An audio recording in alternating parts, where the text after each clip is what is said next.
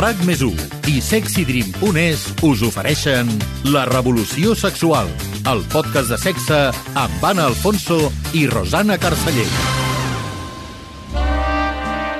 Vostè primer a rac Marc Giró conversa amb Jordi Prat i Coll, dramaturg i director teatral, Ivan Lavanda, actor, i també amb Mara Jiménez, artista. Que hi ha gent que s'excita moltíssim amb els mugrons, tu. Tios? Vaja, pa, Vaja. passem de tema. Pa, no, perquè m'entretén dels Però mugrons. has trobat algú que li passa? Home, tu Sí. trobes un tio, jo en el meu cas, la meva, que trobes un tio que fas pling amb mugrons, diu, home, doncs ja està enxufat aquest home, jo tens per sempre més. Jo sóc més difícil de mugrons. Tu ets més de mugrons o menys? Jo sóc molt mugronaire. En sèrio? Molt. Tu, Ivan, com ho tens, això? Jo No, també, sí. Bueno, una mica Però dies, no. eh? Però sí, jo, jo Va diria que cada cop més. va Va amb l'edat, va amb l'edat, també. Va amb l'edat? Va amb l'edat. Jo abans no ho era tant. Jo abans era més. Mare, tu què tal ho portes? Jo sóc molt mugronaire. Ai, que bo. Sí. Però És que t'hi has trobat o de tu? És que jo gent... trobat, m'he trobat, eh, Jo amb poc. nois. Haurà- Sí, sí. sí, sí. No, o sigui, no. hi ha alguns que no senten res, però Res. d'altres que dius, opa, cuidado. aquí tens i I sí tens- que estic d'acord que quan toques aquesta tecla és meravellós, perquè ja està, és molt més fàcil. Els mugrons poden ser un gran punt erogen. Tothom és una mica mugronaire, com deia ara el Marc Giró, o no tothom s'excita amb aquesta part del cos? Com poden ser els mugrons i com els podem activar per a l'excitació sexual? Avui parlem de mugrons amb Ruth Canal, psicòloga, sexòloga i terapeuta de parella. Ruth, benvinguda a la Revolució Sexual. Hola, moltes gràcies. Què creus? Creus que hi ha moltes persones mugronaires, com deien al vostè primer? Molta gent s'excita a- amb l'estimulació d'aquesta part del cos? Doncs sí, uh, realment seria dir-te totes les persones que ho vulguin. Um, el mugró és una part que tots tenim i, i estiguin més o menys desenvolupats a nivell orgànic, doncs estan planets de terminacions nervioses. Tothom que ho vulgui, doncs sí, es pot excitar amb els mugrons. I per què els tenim, els mugrons? Perquè hi ha una explicació evolutiva que tu expliques. Sí, mira, durant l'embaràs, en la primera etapa del desenvolupament embrionari, encara que després doncs, acabis sent un nen o una nena, tots tenim glàndules mamàries, val? i més tard és quan es defineix el sexe del fetus. Tots partim de tenir mugrons, siguem homes o dones. Tant si som, diguem, XX o XY, no? en el cas de les dones, es comença a formar sempre una femella. Eh, si no hi ha cap contraordre, tot va encaminat cap aquí. Val? En un moment determinat, l'embrió XY comença a segregar més testosterona i, per tant, es converteix en home. Però tots som femelles en potència, al principi. Per què s'endureixen els mugrons quan estem excitats? Són les terminacions nervioses que hi ha en aquella zona o per què passa això? Doncs mira, els mugrons es posen durs de forma involuntària. Això és com una resposta del sistema nerviós autònom i bueno, això doncs, amb diferents estimulacions. Val? Pot ser l'excitació sexual, però també un canvi de temperatura com el fred. O la lactància. Al final, qualsevol estímul tàctil també pot eh, fer que el mugró eh, es posi dur. Això és degut a la alliberació de l'oxitocina val? en el corrent sanguini i això doncs, provoca doncs, eh, que varis tipus de cèl·lules neuronals doncs, responguin específicament a, a l'erecció dels mugrons, a que es posin durs. És a dir, que no ho podem evitar, que es posin durs els mugrons, no podem dissimular. No, és diguem-ne. involuntari.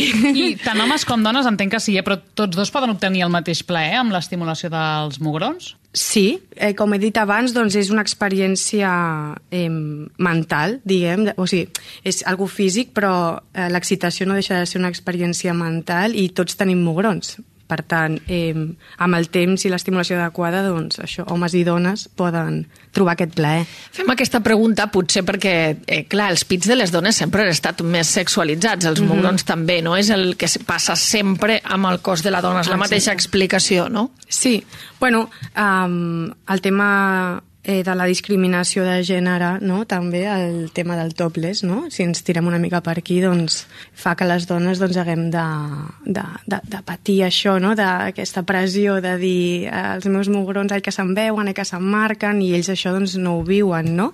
Però bueno, bueno ja s'està sensibilitzant més també la societat, no? Potser de que són mugrons i ja està, homes i dones els tenim. Hem parlat amb Marta Juste, doctora especialista en cirurgia plàstica reparadora i estètica de l'Institut Ruiz Castilla de l'Hospital Quirón Salut de Barcelona i ens ha explicat què passa amb la sensibilitat dels mugrons després d'una operació de reconstrucció de pit, després d'un càncer o d'una operació de reducció o augment de mames. Cirurgies com mastectomies o grans reduccions mamàries és veritat que poden, poden portar un major risc de pèrdua de sensibilitat. I cirurgies com un augment o elevar el pit tenen una gran variabilitat interpersonal. No depèn tant del tipus de cirurgia que li fem a cada pacient, sinó de cada persona, de la sensibilitat prèvia que tinguessin i de, de, de, del comportament una miqueta que tinguem a posteriori. El més important és explicar-lo i, i parlar de les possibilitats a la pacient i que ella tingui la capacitat de, de decidir.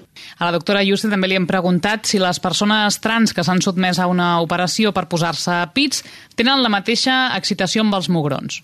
En el cas de l'augment mamari en el pacient transexual, òbviament també existirà una gran variabilitat entre, entre pacients. Moltes vegades, eh, un dels factors més importants que poden influir en aquesta pèrdua de sensibilitat és la distensió que li fem al nervi, és a dir, l'efecte d'allargar que provocarem amb la cirurgia. De manera que l'afectació serà de partir d'un volum zero a arribar a grans volums. En aquests casos, òbviament, podem tenir més possibilitat de disminuir la sensibilitat erògena del mugró.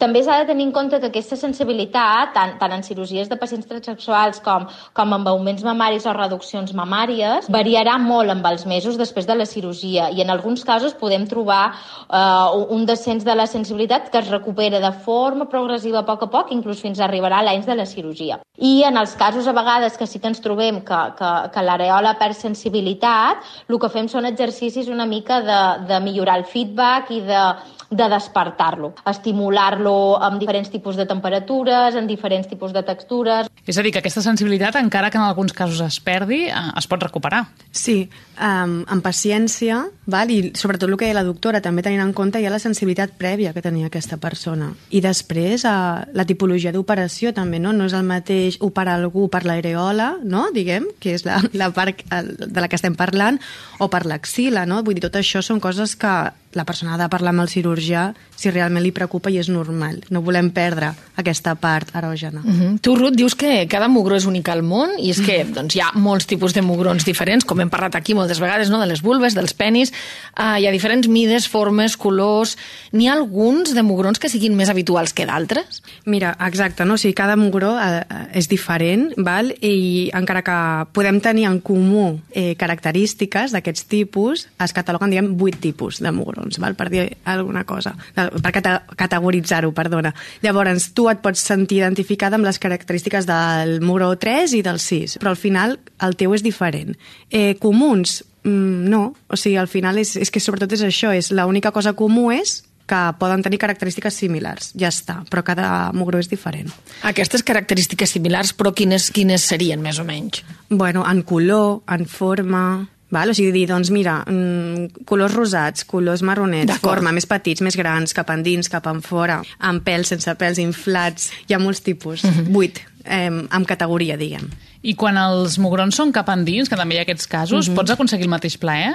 Sí, mira, aviam, els, això serien els mugrons invertits, que diem. Eh, es diu que fins a un 10% de la població, segons la Societat Espanyola de Senologia i Patologia, eh, les persones ho tenen. Llavors, poden ser congènits o també pot ser que, que es desenvolupin amb el temps, que ens passi de cop això, no? Per un tema hormonal, per la lactància, pel que sigui. El plaer hi pot ser sempre i quan el treballis, aquest mugró que podem parlar d'això de com fer-ho, però que sí, sempre es pot arribar també a tenir plaer sempre i quan es treballi. Com el pots estimular, aquest mugró? Hi ha diferents, o sigui, a nivell de casa, de poder fer coses a casa, val? pot ser l'estimulació teva manual, poder fer un massatge, eh, lubricants, val? o sigui, dedicar aquest temps, tot i que és una zona erògena, a vegades és una gran desconeguda, no? En el sexe a vegades anem molt on tothom sembla que va, i llavors és un tema d'autoexploració també, val? cadascú l'ha de conèixer el seu mugró i saber el que li agrada. Sí, però em referia més aviat a com has d'estimular un mugró invertit de, diferent a, a un sí. mugró en fora. Vale, bueno, hi ha les peres aquestes, val? que es venen unes peres, és que estic fent el gest amb la mà però no em veieu, hi ha unes peres val? Que, que serveixen doncs, per ajudar a treure el cap en fora. És que requereixen més temps d'estimulació, més, massa, més estona de massatge, llapar, la pera, val? qualsevol cosa que ajudi a treure el cap en fora, però requereix més temps. En el moment de l'excitació, el mugró invertit surt cap a fora, entenc. Una mica, menys que un mugró que no sigui invertit, però sí es pot aconseguir que surti cap en fora. Sí, anem ja, que parlem del tema això, l'excitació, sí. com, com aconseguir el màxim plaer amb els mugrons. Uh -huh. uh, quines joguines, per exemple, recomanaries fer servir? Doncs mira, al mercat hi ha diverses cosetes. Mm, vale? eh, tenim massatjadors elèctrics, per exemple, són com unes pinces pincetes que es poden posar i són uns massatjadors elèctrics. Després estan les pinces, les plomes, lubricants específics de temperatura determinada, més aviat fred, perquè sabem que el fred és el que fa que el mugró surti i quan més surt el mugró, doncs també el plaer doncs, el pots treballar més. Eh, si aneu a qualsevol botiga especialitzada veureu que hi ha doncs, una diversitat important.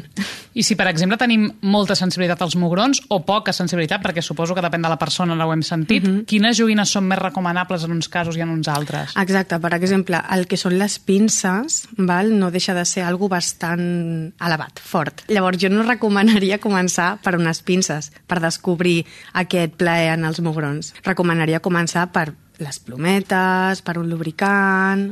Mai començar per unes pinces, per exemple.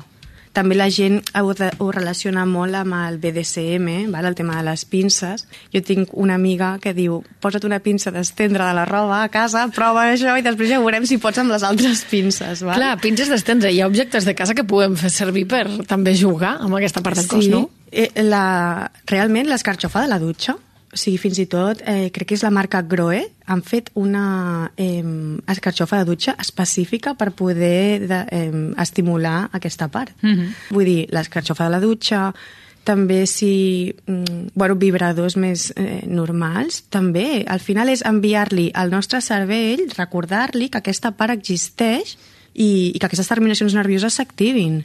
I més enllà de joguines, eh, quins gestos podem fer amb les mans o quines tècniques podem fer servir o quin tipus de massatges podem fer per estimular els mugrons? Cadascú s'ha de conèixer. Igual que diem autoexploració per la masturbació genital, també per qualsevol altra zona erògena. Llavors, el que m'agradi a mi potser no t'agrada a tu, però sempre començar d'una manera suau. Comencem per algú suau perquè si comencem amb unes pessigades fortes, doncs, bueno, rebrem més aviat potser dolor, a no ser que t'agradi rebre dolor, val? Doncs és això, val? Massatges, eh, una, amb el lubricant, sense el lubricant, dedicar-te temps. Els mugrons al final necessiten temps, perquè a vegades són els grans desconeguts. Hi ha alguna postura que recomanis per l'estimulació dels mugrons o no especialment amb totes es pot jugar? Bueno, aviam, la postura, per exemple, se m'acut, no? La, la postura del pont, que no sé si la coneixeu, però és eh, la persona que té mugrons i que els vol, vol que siguin estimulats, s'estira boca amunt i, la, i amb les cames obertes i fa una mica d'elevació de cadera. Val? Llavors l'altra persona està a sobre i en el cas que es vulgui fer penetració, doncs mentre es fa penetració també es pot estimular els mugrons. Però això en el cas que es volgués fer també amb la penetració. Que no vols la penetració, al final som, som éssers supervisuals. Posar-te davant d'un mirall amb la teva parella darrere, que te'ls acarici, que ho veieu... És donar-li, doncs això, atenció. Com pots estimular els mugrons fent servir la boca o la llengua? Què pots fer? Doncs, bueno, amb la intensitat, no?, de llapar més ràpid, més lent, eh, si et vols centrar primer amb l'areola, val? I jo recomano començar per l'areola o fins i tot per altres parts del pit, val? Vull dir, més per la, la part més mamària, no? I després ja al final dedicar doncs, l'espai al mugró, val? perquè d'alguna manera pues, estàs excitant com al voltant, estàs preparant el terreny i després ja el mugró.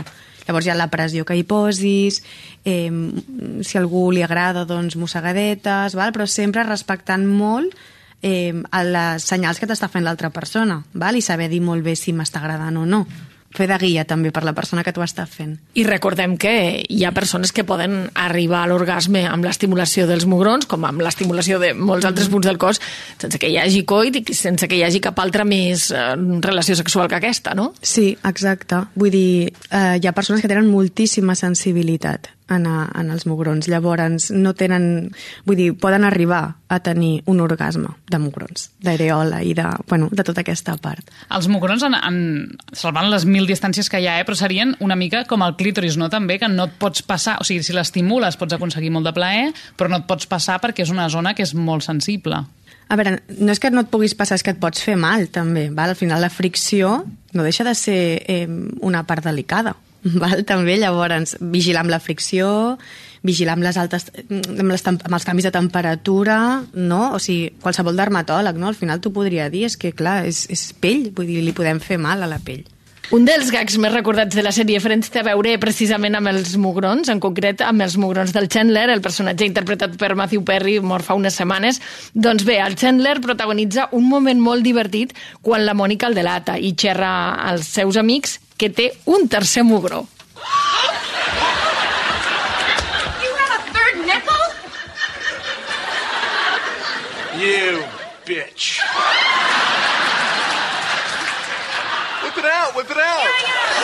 Come on. There's nothing to see. It's just a tiny bump. It's totally useless. És totalment inútil, diu el Chandler. Eh, això és així? Serveix per alguna cosa o té sensibilitat aquest tercer mugro que algunes persones tenen o no, Ruth? Mira, aquests mugrons es diuen, per posar en context a la gent, supernumeraris, vale?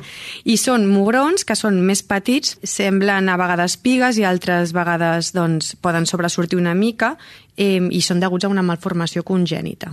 Llavors, poden fins i o sigui, sí que poden, eh, sí que serveixen per a alguna cosa, fins i tot eh, poden treure llet, sí, sí, fins i tot, eh? vull dir, i plaer en pots tenir també, va en funció doncs, de la sensibilitat de la persona, tornem aquí, val? No, no deixa de ser un mugró i per tant té terminacions nervioses. Però quanta gent hi ha que ho tingui, això? Se sap? Hi ha dades? Um, un 6% de la població i més en homes que en dones s'ha vist, sí. Que curiós això, eh? O sigui, Sí. aquesta, aquesta No estem característica... acostumats. Uh -huh. Mhm. I també hi ha persones que no tenen mugrons, cap?